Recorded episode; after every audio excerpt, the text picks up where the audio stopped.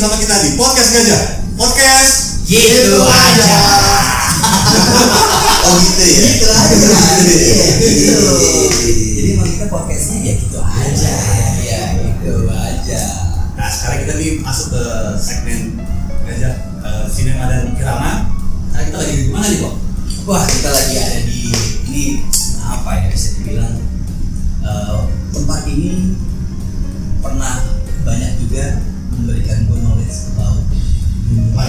Iya, iya, iya benar benar benar. Dan dan profil yang hari ini eh, bersama kita juga salah satu orang yang banyak apa ya buat buat diskusi menjadi mentoring buat dunia profesional. Oh, Iya.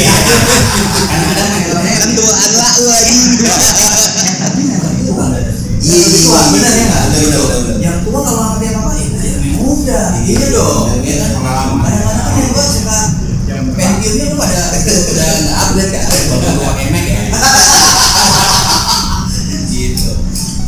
Bersama kawan gajah eh, ada eh, Takul. Yes. Takul di sini eh, apa aja profilnya Takul ini bagian bagi teman-teman yang di dunia event gitu ya tahu lah sosok Takul ini. Tapi ada lain-lain lagi yang yang yang, yang baru-baru ini buat gue kayak wah next nih ya kan big something ya kan yang nggak cuma sampai di sini ada doang gitu ya oke Iya jadi kan kemarin kita sempat ada ngobrol nih kok ya. Ya. Kita sempat lihat kemarin di YouTube. Yes. Kadang-kadangnya apa sih nih gitu? Kamu lihat Instagram kok aja nih gue. Ya. Wah ada speech documentary uh, event nih gitu. Siapa yang bikin nih gitu? Wah masuk teman-teman juga. Wah kita kasih aja kali ya. iya benar Dan sampai hari ini Ada di sini. ada di sini ya. Eh, Takul adalah seorang pengusaha lah ya gitu ya. Pengusaha dan mencoba membuat ekosistem baru ya di dunia ini gitu kan ya. Gitu nah eh, kita apa ngobrol dalam lagi mas aku eh, eh, mas Kapul apa kabar? Sehat? Sehat ya. Yang penting itu dulu ya. Tengah negara dan Iya, iya. Ya secara global carut marut ya kita harus sehat terus lah ya. Siap, siap. Iya. Ya kan? waras terus lagi Waras terus karena kalau nggak waras rakyat menangis. Iya. nih gue seneng nih Iya, rakyat menangis kalau kita nggak waras. Emang Iya. gue tungguin begini biar biar jadi sama gitu. Wah biar waras nih kita nih. Ayo rakyatnya udah begini nih ya nggak sih gitu. Uh, cool. Uh, kemarin kita coba apa uh, uh, apa ya mengikuti lah gitu kalian yang uh, live pada waktu itu kemarin sama live for the days Iya. sama live production Iya. ya kan Ecang dan Iya. uh, Audi Audi ya kan sama teman-teman produksi lainnya. Nah, kita pengen tahu kenapa sih eh, lo dan teman-teman nih mengangkat sebuah dokumenter behind the scene pekerja-pekerja ini. Ya, eh basicnya sih karena hasil research gue selama 10 tahun ke belakang tuh emang belum ada yang apa namanya membuat ini gitu. Membuat Jadi ini ya. iya padahal iya. kalau dilihat mungkin ya kalau di dunia iklan atau dunia film sendiri behind the scene tuh udah suatu yang biasa ya gitu. Iya. Cuma gue bingung ya orang-orang di industri event sendiri yang memang apa namanya yang memang kegiatannya hektik banget gitu. Terus bicara tingkat kesulitannya ada yang mulai dari apa namanya easy level, medium level sampai advance yang sangat Iya, sulit iya. gitu. Kok kayaknya belum ada yang membuat dokumenter. Tapi kalau highlight event banyak gitu loh. Iya. Gue tuh pertama kali bikin highlight event tuh 2014. Dulu tuh nggak ada tuh IOYO bikin highlight event. Iya, iya. Jadi Iya. gue bikin 2014, terus akhirnya mulai berkembang karena apa namanya YouTube juga udah mulai apa namanya banyak digunain gitu. Akhirnya mulai banyak tuh eh, highlight event digunain sebagai eh, materi apa namanya dokumentasi dan juga eh, buat jualannya nih pada Ya. teman-teman IO untuk ngasih lihat oh bagaimana highlight eventnya gitu. Iya, iya. Cuma balik lagi gue nungguin sebenarnya gue sebenarnya nungguin iya. ini ada nggak ya bikin dokumenter gitu Iya. sampai gue tunggu 2018 akhir itu nggak ada gitu akhirnya gue putusin deh tahun 2019 gue harus buat Yes. sebenarnya udah jadi lama gitu Iya, sebenarnya udah udah dari sebelum masuk 2020 itu udah jadi Udah jadi. iya jadi akhir tahun tuh udah jadi editing juga udah Hmm. udah jadi gitu cuma kok Maret masuk pandemi kan Iya, gitu di 2020 sehingga kita tahan dulu deh Iya. gitu tadinya mau dikeluarin Desember akhir Hmm. karena eh, gua sama LPI Acang Mahaudi sama dari Next Creative Studio sama Life for Better Days tuh pengennya Desember nih kita mau akhir tahun ditutup Iya, nih. Kita iya. buat karya eh, ini untuk jadi dipublish ke halayak ramai untuk kasih tahu bahwa industri event tuh masih punya harapan gitu. Makanya eh, tadinya mau Desember ternyata karena kesibukan masing-masing dimundurin deh gitu. Karena ada beberapa peraturan pemerintah juga yang Iya, kita nggak bisa bikin Iya. kegiatan gitu jadinya.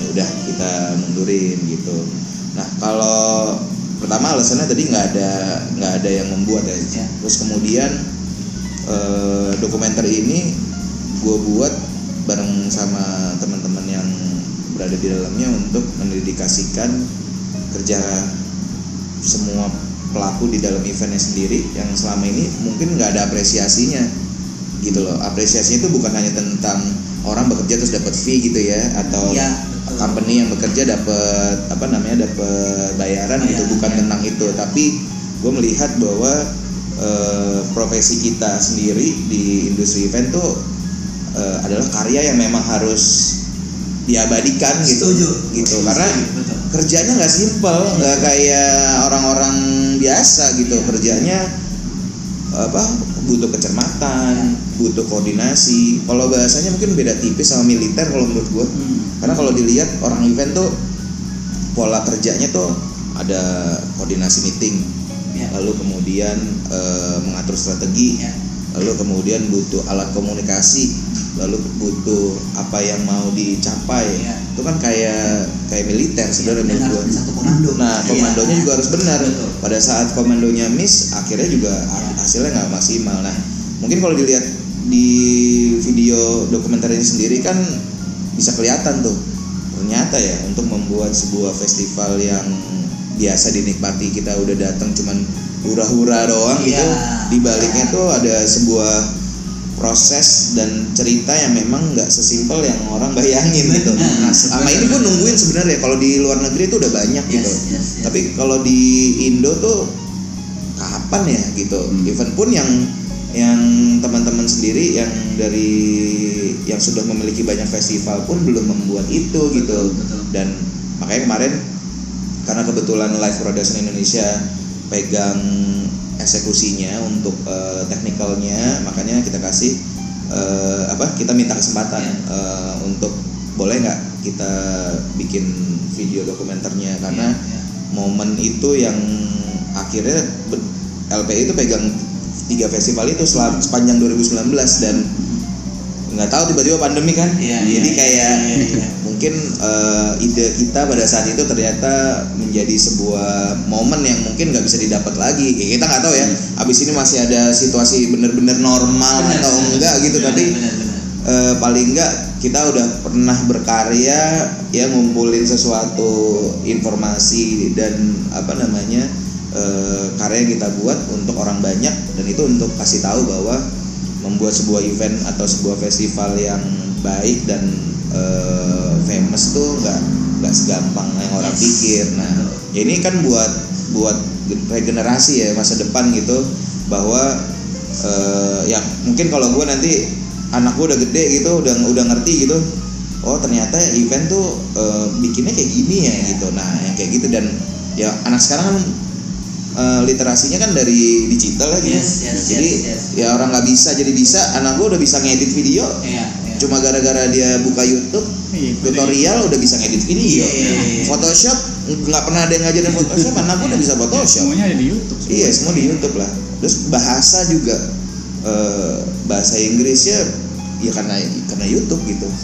Jadi menurut gua kalau kita nggak bikin eh, sebuah literasi baru yang memang kaitannya dengan industri yang selama ini ngasih gua rezeki, ngasih gua apa namanya kebahagiaan lah ya gitu. Jadi kayaknya nggak nggak ilo kalau orang Jawa Ya, harus ya. harus kasih feedback balik Ya, gitu ya, ya. nah makanya itu kaitannya ada di live product apa di live for better days Yes. gitu jadi bahwa eh, apa namanya movement itu dibuat untuk memberikan timbal balik ke industri untuk orang-orang yang terlibat di dalamnya supaya punya nilai lebih lah kita di balik bekerjanya tadi Iya, iya, gitu. iya, iya. Nah, menarik nih, ini menarik nih. Eh, buat kawanan gajah, kalau kalian datang ke festival festival besar di Jakarta pada waktu itu ya, ya seperti apa, eh, WTF gitu ya, eh, kemudian DWP, kemudian eh, Sondre gitu ya. Nah, inilah eh, ini salah satu bentuk Life for Better Days yang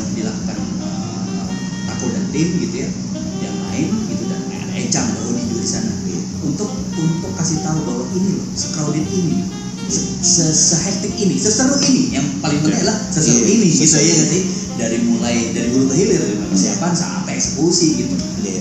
Ya, jadi kalian harus nonton nanti di YouTube. Iya, Nanti harus dikasih tahu, nanti Iya. dikasih tahu. Link YouTube-nya. Iya, bisa gitu. harus harus karena buat buat orang yang mungkin nggak terlalu ngerti event atau nggak suka sama event juga paling nggak bisa lihat sih gitu Iya, iya, iya, iya.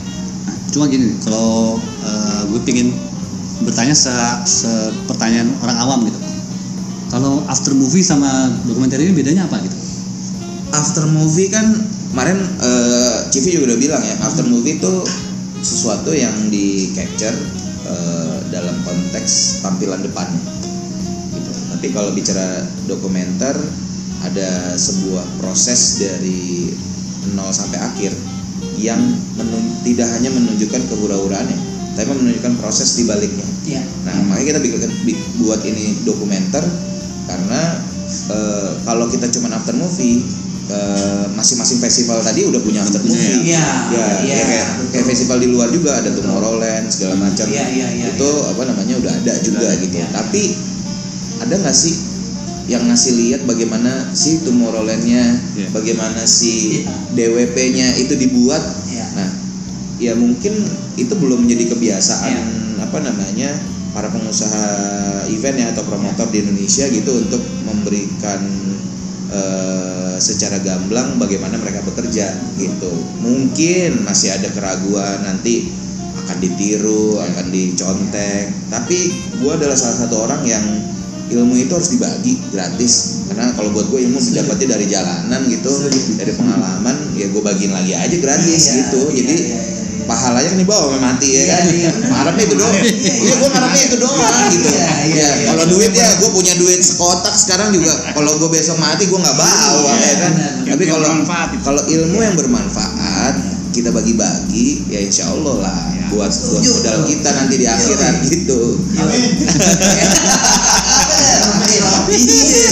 Iya, anak sekolah ya itu. Iya. Bermanfaat. Iya, bener ya memang harus begitulah karena karena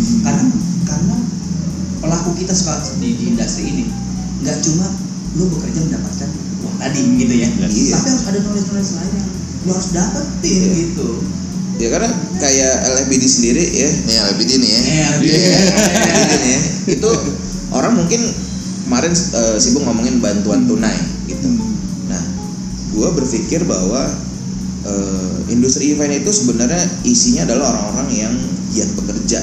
Kreatif. eh, kreatif giat bekerja kalau mereka nanti dibiasakan untuk menerima bantuan tunai ya lo kasih sejuta lah dua hari juga habis tiga hari juga habis tapi Iya. tapi yang kita rasain Iya. pada saat eh, eh, pas puasa ya pas puasa LBD ini kita apa namanya kita inisiasi kemudian habis lebaran pada saat eh, PSBB-nya waktu itu sudah mulai ditransisikan Iya, iya. kita mulai membuat kegiatan pertama gitu. Nah, impactnya bahwa eh, ada beberapa eh, pekerja event yang bekerja eh, menerima tawaran kita untuk eh, ada di program tersebut sampai hari ini gue lihat masih mem- apa me- me- mendapatkan eh, hasil snowball dari program yang kita jalanin gitu. oh. Ha-ha. Jadi- Iya.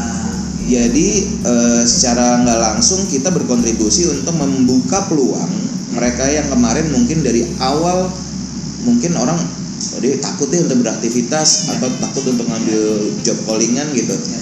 Akhirnya sekarang gue lihat masih masih menjadi yang trafficnya paling banyak gitu jadi dari situ ya paling nggak gue senang ngelihatnya karena eh, akhirnya LBD sendiri punya kontribusi yang konkret karena memang kita tidak memberikan pada saat ada orang donasi tidak dikasih langsung Ya. bantuan tunai tapi lu ikut di programnya terlibat di dalamnya sebagai apa namanya staff atau kru yang memang eh, punya job desk masing-masing lalu kemudian mereka mendapatkan eh, fee dari situ jadi kita membuka kesempatan tapi membangun untuk orang tidak malas gitu nggak hanya menerima uang iya nggak aja. jangan menerima uangnya aja Iya. karena ya dunia keras juga gitu Iya, iya. kalau kalau kita biasain orang untuk malas ya itu namanya kurang mendidik sih menurut gua Iya. jadi ya lebih lebih baik menurut kita versi kita adalah ya bukakanlah kesempatan untuk melakukan sesuatu Iya. sehingga dari melakukan sesuatu itu menghasilkan sesuatu untuk bersama-sama Ya. gitu gitu Good.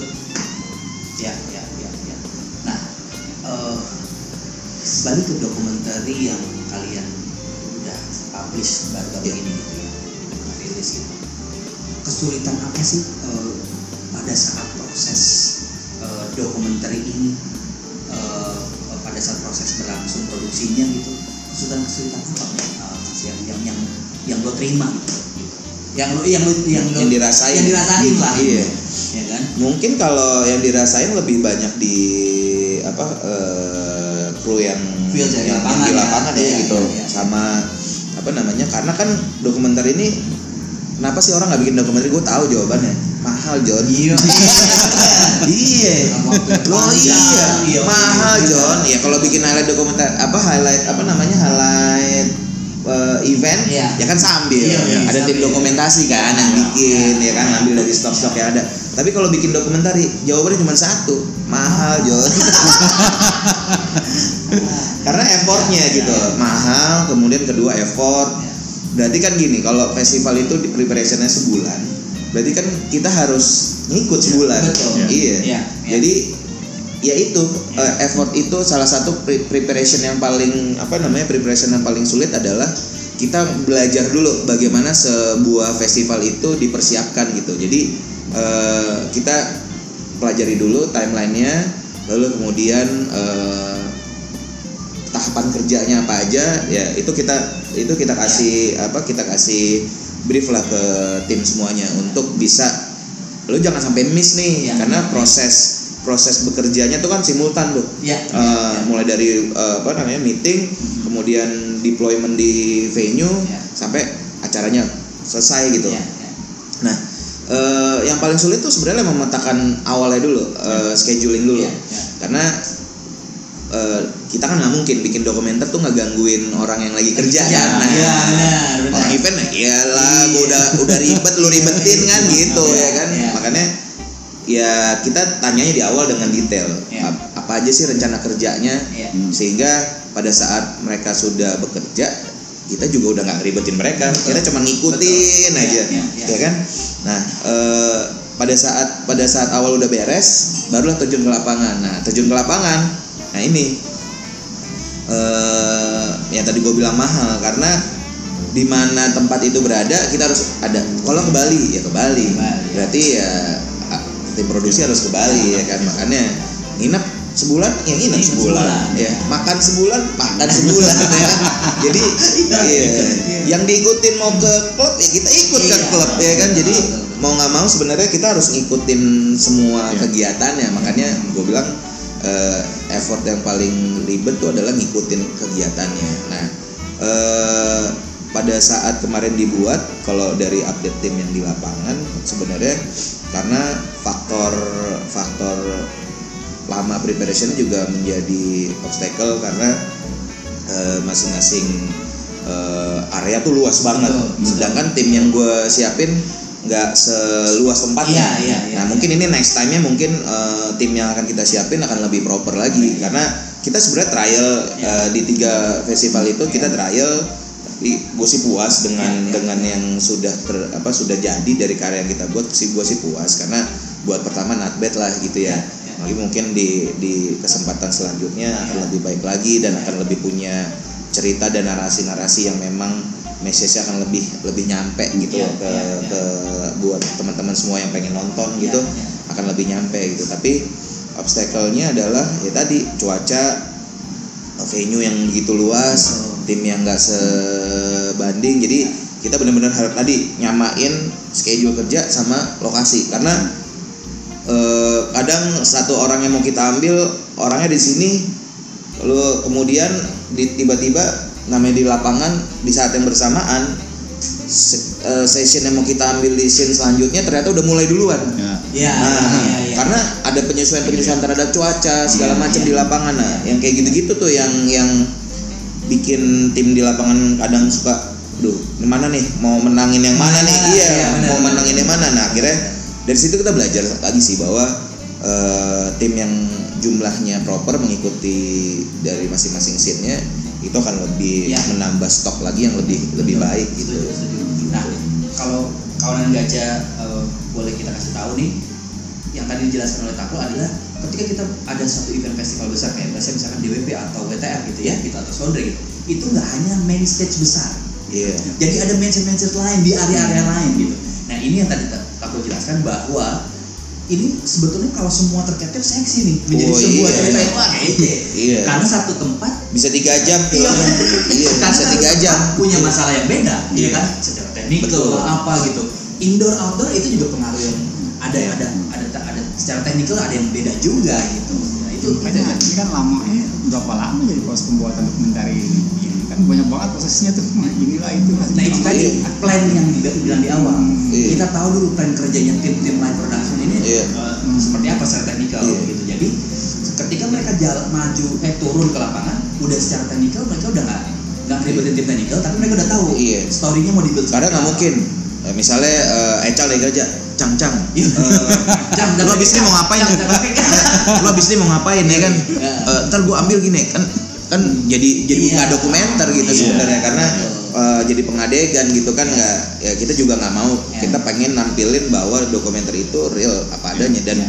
apa yang ada di dalam film apa namanya video dokumenter itu ya benar-benar apa adanya nggak ada yang disetting gitu Iya. kita benar-benar eh, ngasih lihat bahwa kita kerjanya kayak gitu Iya. gitu dan makanya karena pandemi kan kesempatannya kita belum tahu ada lagi tuh kapan gitu Benar, Ya, benar. gitu jadi benar. ada lagi tuh kapan gitu Iya. sehingga eh, akan jadi sebuah kesempatan yang sangat berharga sekali tuh yang kemarin gitu Momentum makanya banget momentumnya momen gue bilang momentumnya ini ya kan iya Betul. makanya habis ini ya next next next plannya kita ya kita mau buat apa namanya sesuatu yang lebih impactful lagi Ya, buat ya, buat ya, buat industri lah ya gitu Ya.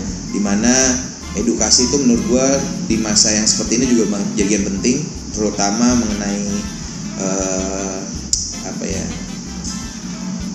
memberikan sebuah pengertian attitude terhadap bekerja.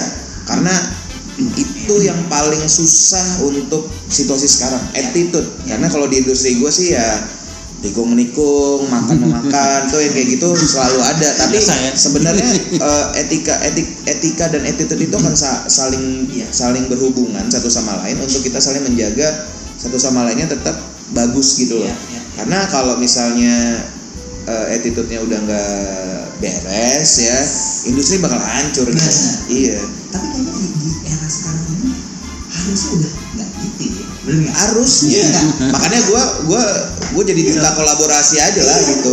Persaingan itu cuma kreatif competition. Yes, tapi yes, kalau bicara hubungan satu sama lain antar Yes. pengusahanya gua men- gua mau gua gua jadi duta kolaborasi aja lah gitu. Iya.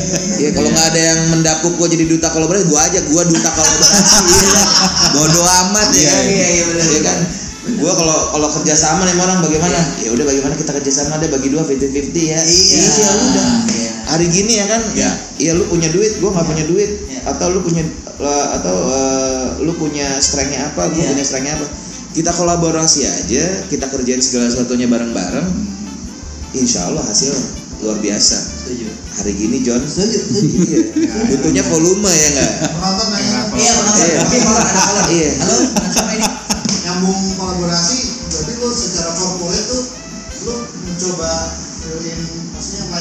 lu dalam corporate lu lu coba lengkapin atau ya udahlah kalau kita nggak ada ini kita collab aja gitu.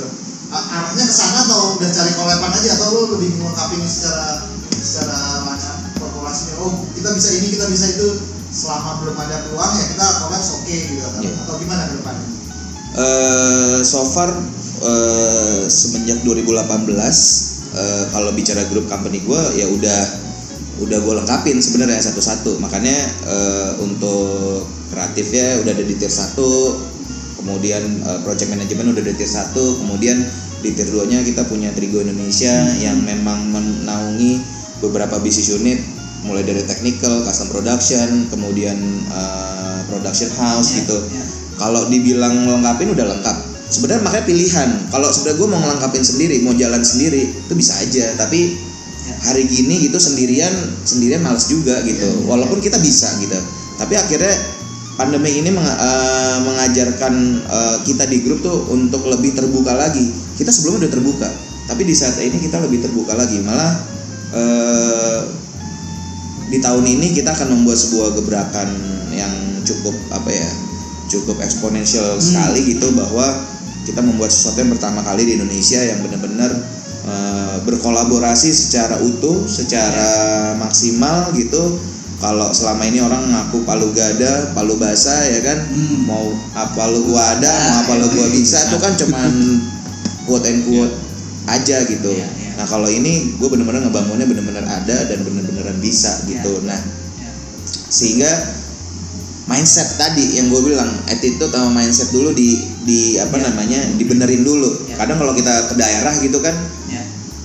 Mungkin barangnya sama, tapi mindset itu belum tentu sama. Bagaimana mereka melayani ya di Jakarta ya khusus ya itu kan cari cari peluang tuh susah gitu untuk memenangkan sebuah peluang tuh butuh effort gitu nah mungkin selama ini kalau di daerah kan tinggal terima jadi Ya. ya kan ada kerjaan dari pusat dikirim ke daerah udah terima mateng gitu nah makanya sekarang mindset revolutionnya dulu yang harus diberesin Betul. gitu betul. Sabi, ya kan apa yang akan dibuat next, Next, nggak bisa di sini, ya. ya kan? Terus tunggu tanggal mainnya Tunggu tanggal mainnya, ya dong, ya kan? Eh, terus eh, ini, eh, pasti kan semua eh, ada inisiator lah ya di awal eh, Iya. pas waktu mau bikin dokumenter ini. Apakah lo ngobrol sama Eca atau sama Hodi gitu Iya. atau sama tim sama Cevi gitu kan gitu. Eh, ketika akhirnya kayak oke nih, ya tadi kan udah bilang dari Iya. 2018 padahal gue udah punya plan ini nih. Iya. Tapi oke nih, ini happens nih. Karena belum ada yang bikin. Itu dari awal tuh inisiator itu lu ya balik dari waktu perjalanan lu menyiapkan sebuah event sebetulnya gitu. Tapi apa sih yang trigger lu lagi balik ketika ini could be something big nanti?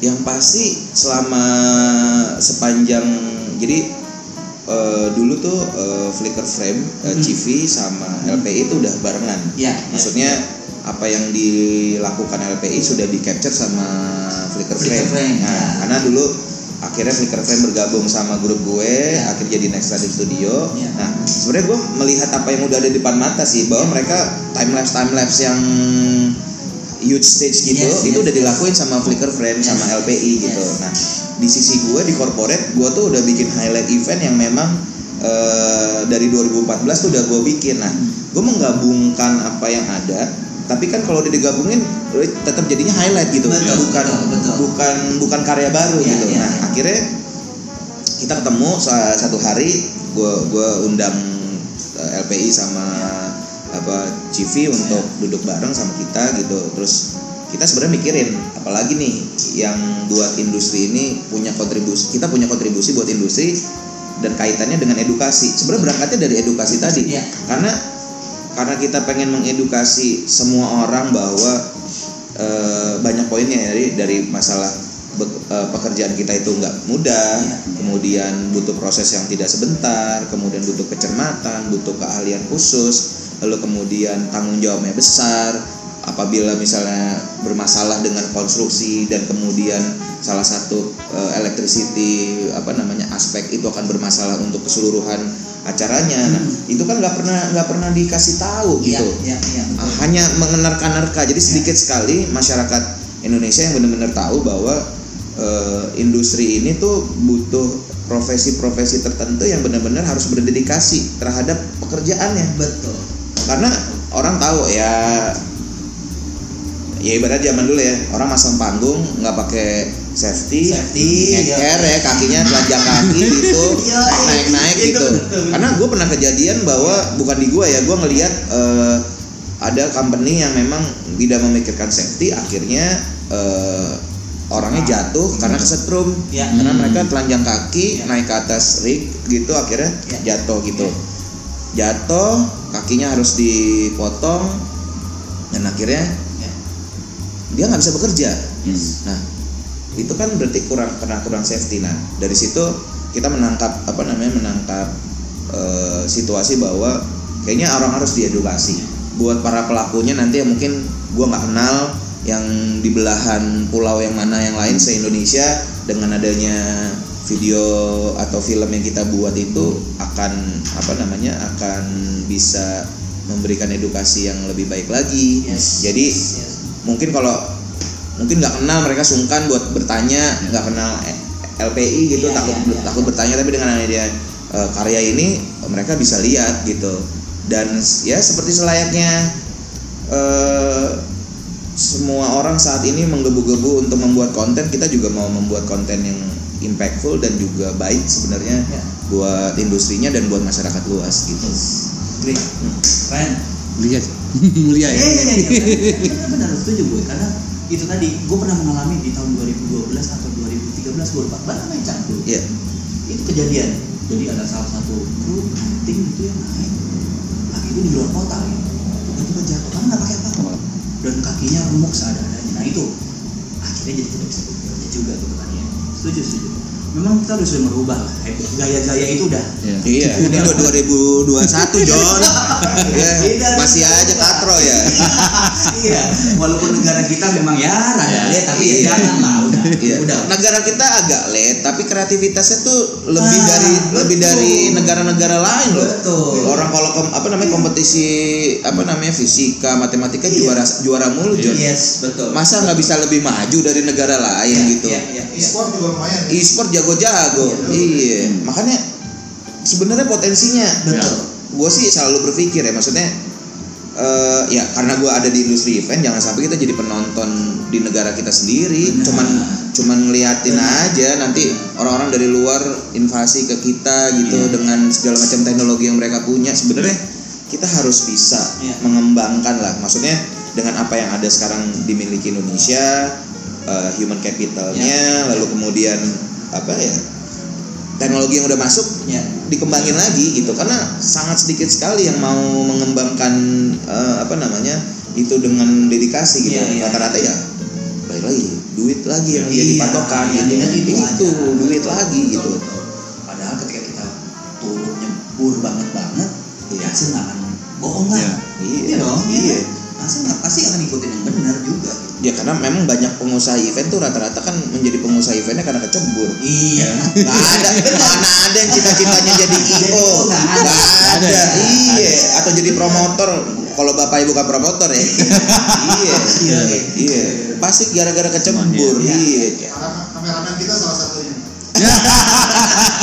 Iya. Gak ada yang mau cita-citanya Lambai kamera. cek. Kecebur pasti ya kan iya, itu yang menurut gue akhirnya ini terjawab nih pertanyaan bahwa eh, Life for Better Days ada bersama L apa eh, Live Production dengan eh, Flickr Eh, Next Creative Next, Next Creative Studio. Studio Ah. gitu ya. Ada buat memang eh, memberi eduke, edukasi untuk kalian gitu ya bahwa ini loh industri yang kalian pikir nggak menarik ini menarik banget gitu. Menarik. Menghasilkan ya menghasilkan banget gitu Iya. tinggal kalian mau belajarnya atau enggak itu aja gitu.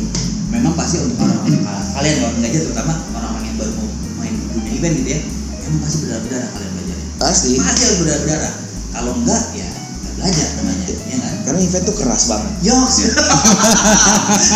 Keras banget. Keras banget. Keras banget. Maksudnya dalam arti keras tuh buat orang-orang yang mentalnya tempe sih udah udah pasti enggak ya bener, Bener. habis ya Habis. maksudnya karena Bener, ya bener. buat mental-mental baja gitu Yes, yes. kadang kerja udah keras Berarti nggak cuma fisik harus kuat juga ya, otak juga mesti ya jawab. semua. nah semua karena tadi keras kan kita harus ngakalin gua gua sih mau mau kasih edukasi ke semua orang kalau dulu mungkin semua dilakukan dengan kerja keras gitu tapi sekarang udah harus dengan kerja cerdas ya gua ngeliat gini millennials dan generasi yang ter- yang sekarang nih yang terbaru itu kan punya otak yang cerdas sebenarnya.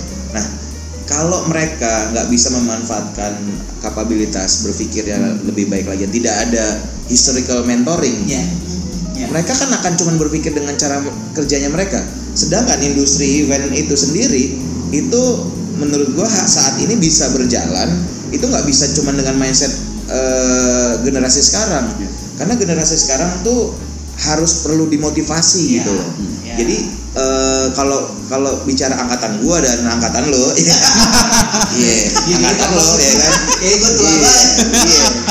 Kayaknya kan Iya. masalah keras-keras itu udah biasa. Iya. Iya. Iya. Anak sekarang kan nggak ada, nggak gua rasa nggak ada yang tawuran ya. Iya Iya. Kalau zaman kita masih tawuran. ya. udah ada Di, ospek di, di, di betak di Metro Mini Iya. masih ada ya. Nyeker. Iya. Iya iya Tas habis isinya. Iya. iya. dompet habis Anak ya. sekarang kan nggak datang ke berangkat sekolah diantar. Diantar. Kalaupun naik transportasi publik ada bis sekolah.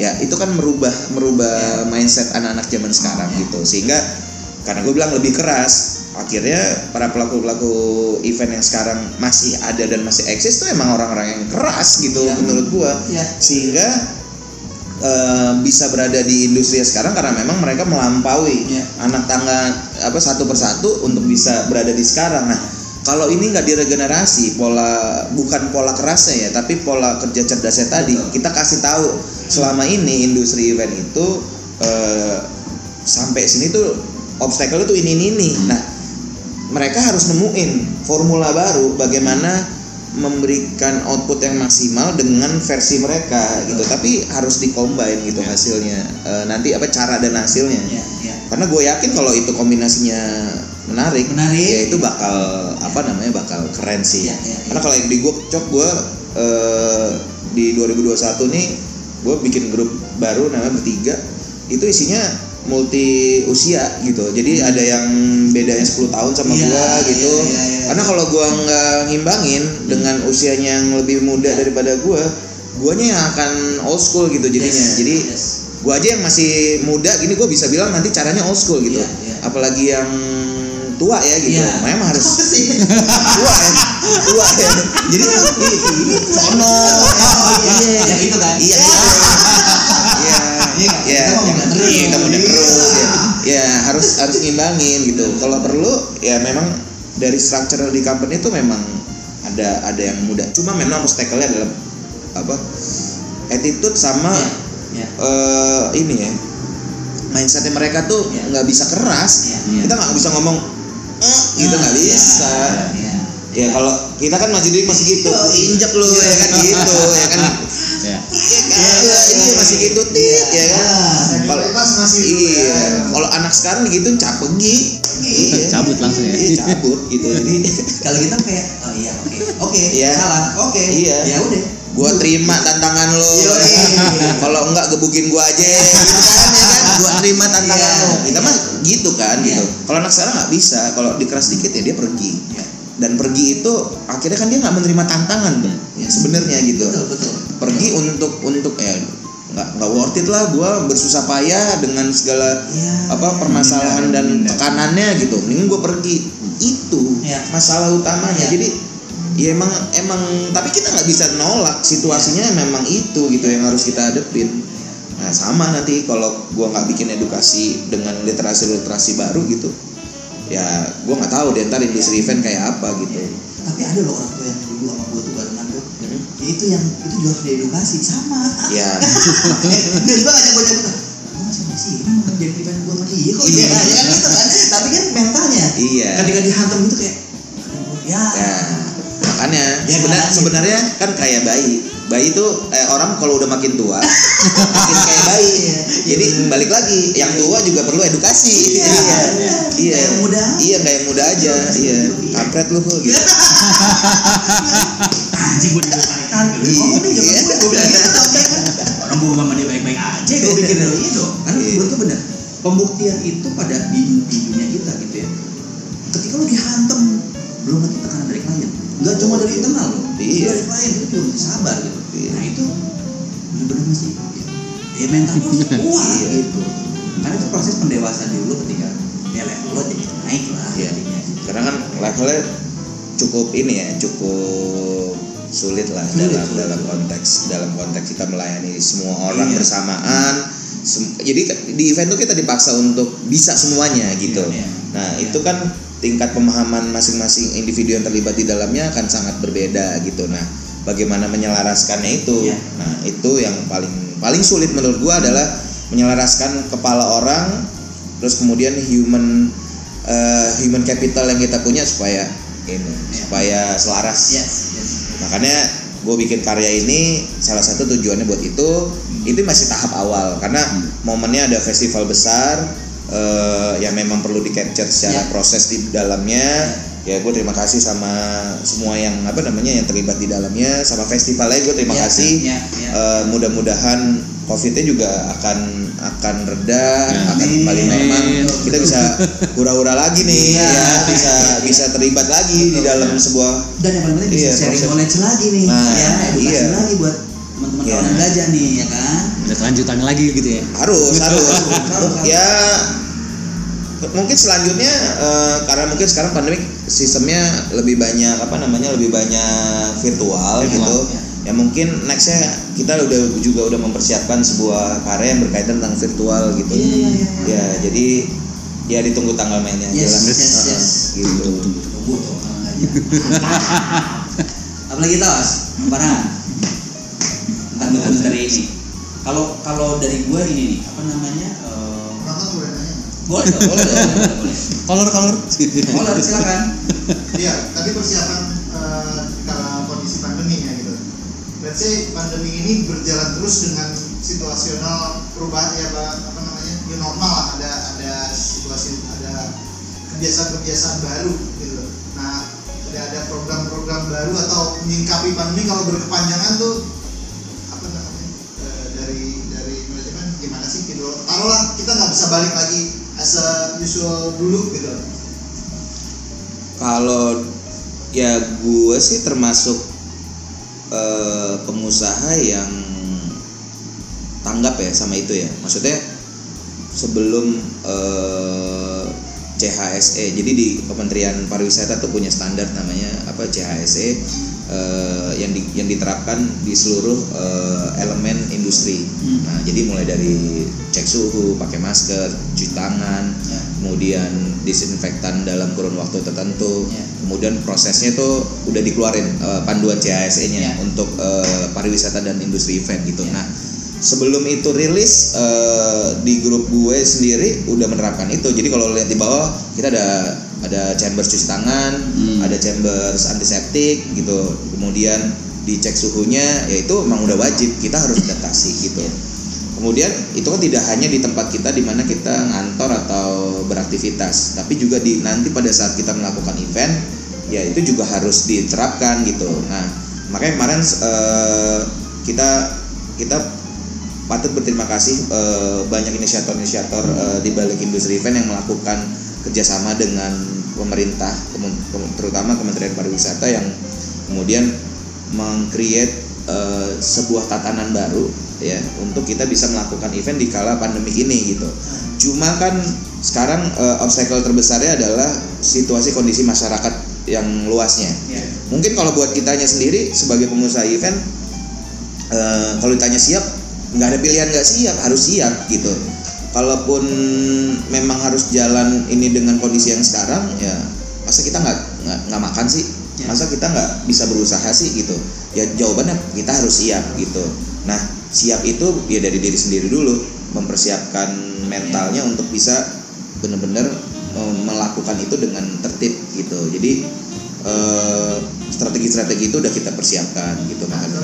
Apakah dengan kondisi normal dan kondisi pandemi kan pasti ada adjusting secara budget lah gitu loh. Gue melihatnya sih eh, kalau konsepnya online pasti cutting budgetnya cukup besar gitu. Nah itu gimana tuh buat buat kelangsungan manajemen segala macam sedangkan kondisi menuntut seperti itu gitu. Tidak bisa offline semua gitu loh. Deh, kalau secara budget sebenarnya ini lucunya ya kalau sebelum pandemi pada saat kita melakukan sebuah virtual activity itu sebenarnya budgetnya lebih mahal sebenarnya ya tapi kenapa pada saat pandemi terus orang memilih ke virtual budgetnya jadi nggak nggak Ya. bagus Ya. gitu kenapa menurut gua karena ada ada permasalahan global pandemik tadi yang mengakibatkan budgeting dari masing-masing prinsipal atau klien Ya. itu juga turun Ya. plot plottingnya kemudian ketakutan terhadap eh, situasi yang ada mengenai pandemi itu sendiri ketiga adalah karena pelaku industri sendiri yang melakukan banting-bantingan harga. Hmm. gitu. Ya itu gua menurut gua bunuh diri massal yang akan membuat industrinya hancur sendiri gitu loh. Betul. karena banyak sekali sekarang yang muncul muncul gitu karena hanya untuk menyelamatkan mungkin ya company-nya isinya cuma dua orang gitu. Ya berarti mikirin makan dua Iya. orang. Jadi mau jual harga semurah-murahnya yang penting dapat lebih sedikit cukup. Ya tapi buat kita yang eh, apa namanya menaungi orang banyak gitu kalau kita jualnya murah atau tidak cukup untuk memberikan effort balik kepada orang-orang yang bekerja di dalamnya? Kan nggak bisa. Nah itu banyak sekali terjadi fenomena itu Ya. terjadi. Jadi eh, balik lagi banyak pemain-pemain di industri sendiri yang tidak sadar. Pada saat mereka melakukan strategi banting harga tadi memang dapat pekerjaan.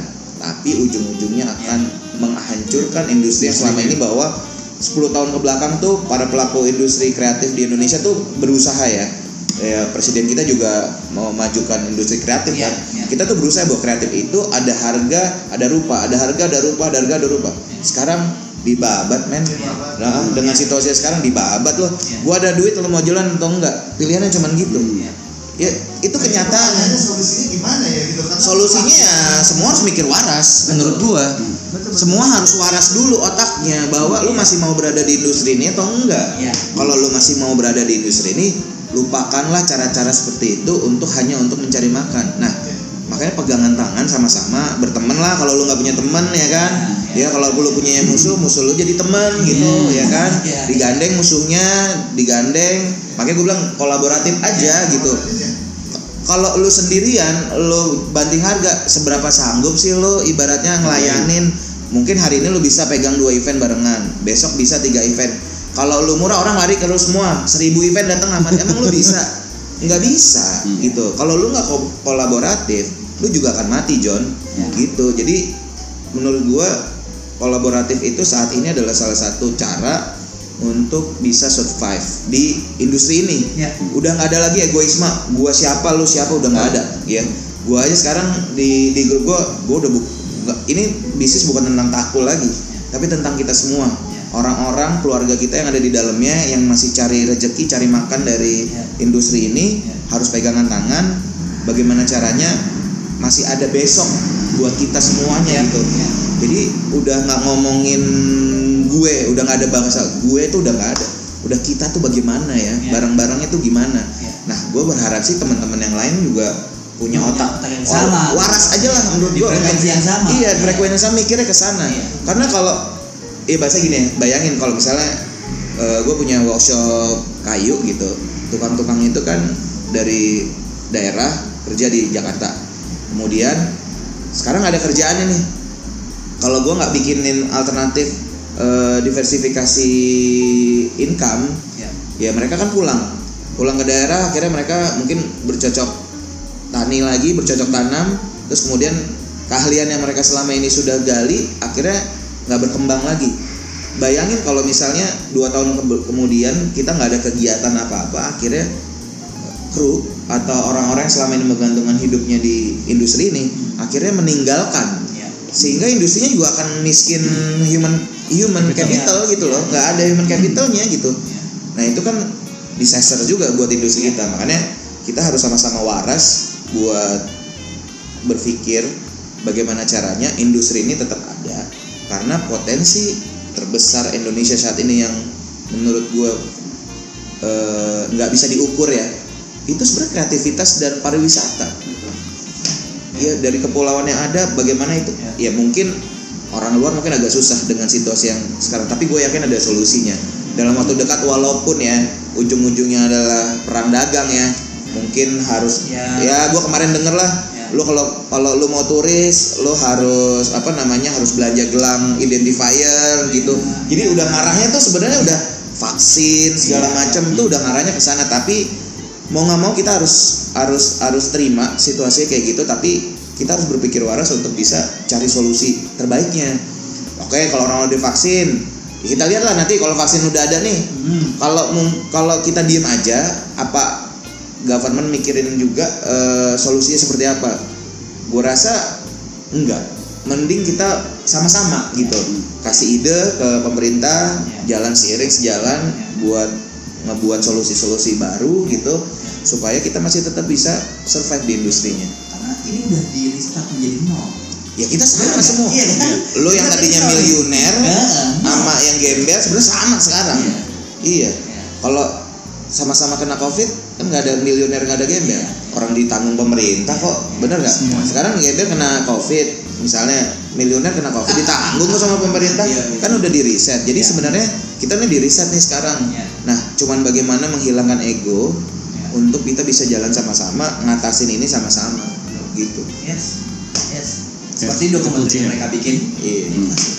Iya. Iya. Itu tuh kerja kerja tim yang Yes. solid ya. Yes untuk bisa menghasilkan eh, sebuah kerja maksimum. Iya. ya gitu. Kalau ngomongin kondisi membaik gitu ya kan gue lihat eh, persaingannya dalam dan luar negeri gitu. Maksudnya di luar event-event besar bisa datang ke sini. Gimana possibilitiesnya kalau apa namanya eh, si company itu tuh bermain di luar juga kan gitu. Maksudnya prospek ke depan gimana gitu? Meskipun sekarang yang gue dengar udah udah mulai kolab-kolab juga ya eh, dalam dan luar gitu. Iya. sejauh apa gitu? Kalau dari grup kita sih bag, bag lagi ke tadi. Eh, dari 2017 gue udah collab sama beberapa agensi dari Singapura sama Malaysia. Kemudian kita juga collab sama apa namanya salah satu visual network di Hong Kong. Eh, jadi memang harus memang harus gitu. Karena cuman masalah mau dan tidak mau kan. Ya. Karena sekarang hambatannya kita agak kesulitan untuk uh, going overseas kan gitu posisinya. Jadi mungkin nanti kalau misalnya vaksin sudah jadi solusi Ya. kemudian overseas juga sudah terbuka segala macam ya kolaps kolaps tadi yang bisa membuat kita besar di luar sana. Market luar masih cukup besar atau Indonesia aja nih? Kita coba. Kalau ya yang pasti uh, market negara sendiri harus harus di lead kita harus jadi market leading di negara kita sendiri dulu untuk bisa membuktikan bahwa kita mampu untuk mengatasi market yang ada di luar sana. Ya tantangannya itu dulu. Eh, dari kita sih market kita dulu sendiri kuasai dengan baik. Ya masih banyak obstacle-obstacle yang harus di apa namanya di kanker gitu untuk dimenangkan gitu. Sehingga pada saat itu udah beres ya sambil berjalan eh, bisnis-bisnis yang di luar sana sebenarnya Indonesia tuh mampu kok hadir di luar sana dengan apa yang ada di dalam Iya. eh, jati dirinya kita gitu. Gua rasa harus harus bangga kita jadi orang Indonesia dengan dengan kekayaan Iya. sumber daya alam dan sumber daya manusianya tuh gua yakin Indonesia adalah negara yang besar. Karena cuma tinggal gitu doang menurut gua. Coba karena ada yang nahan ya kan ya beberapa pihak menahan kita masih gini-gini aja Hmm. sama atas-atas kita tuh memang dikondisikan gitu Iya. sebenarnya kalau kita bersatu bener-bener menyatukan energinya semua kita bisa kok setara sejajar dengan negara-negara maju lainnya yang ada di dunia Nah, makanya stage production dokumenter ini sebetulnya salah satu window iya bahwa ini yang dilakukan di Indonesia Iya. oleh anak-anak apa Bangsa lah ya. bangsa lah ini gitu menyiapkan sebuah festival besar loh tidak Iya. tidak festival kecil gitu ya Iya. kan ya ini windowsnya jadi buat kawanan gajah eh, kalau kenapa kasih tahu kawanan gajah Iya. kenapa mereka harus nonton ini ya? Iya. ya kan dan di mana gitu jadi eh, apa namanya untuk kawanan gajah ya yes kawanan gajah biar lo jadi tambah besar dan juga berpengaruh Iya. untuk hidup lo Iya, gitu ya. iya, iya. Lo harus nonton uh, video dokumenternya ada di live for better days uh, .id gitu. Ya. Nanti uh, bisa bisa langsung aja uh, di YouTube-nya atau kalau mau apa namanya cek Instagram juga bisa. Nanti di situ bisa ada linknya langsung. Jadi monggo sok atuh di dicek, dipelajarin diresapin nanti kalau emang mau berkarya bareng hubungin ya DM aja di Instagramnya Ya, kita berkarya bareng Siap. ya nggak usah malu kolaborasi ya jangan nyerah dengan situasi yang ada supaya kita sama-sama jadi gajah Yes. iya Yes. iya iya Nah, kawan gajah kalau mau uh, uh, tanya tentang uh, Life for Better Days atau Iya. apa pun about uh, dunia Iya. documentary event ini gitu ya, silakan uh, apa komen aja di kita ya. Nanti mungkin uh, kita akan bisa uh, akan bisa jawab nanti ya tanya-tanya orang gajah gitu. Uh, dan yang paling penting uh, terus bersama berkolaborasi Iya. karena kita mungkin yang sendiri. Kayak filosofinya gajah. Karena gajah itu selalu jauh dari dirinya Iya. ketika dia mau mati dia tidak akan menyusahkan orang gajah yang lain. Dia akan menyingkir dan mati sendiri. Nah itu tapi gajah sendiri akan selalu jalan bersama. Yes. seperti kita jalan bersama life for better days. Yeah. Kita ketemu lagi di episode berikutnya Ya. Eh, tetap sehat eh, tetap senang ya harus seneng yes harus senang Iya, gitu ya karena kunci seneng Yes. itu bisa membuat hidup kita lebih baik. Yes, Iya. dan selalu menjadi manusia yang lebih baik. Sampai ketemu lagi di podcast aja. Podcast. Gitu aja.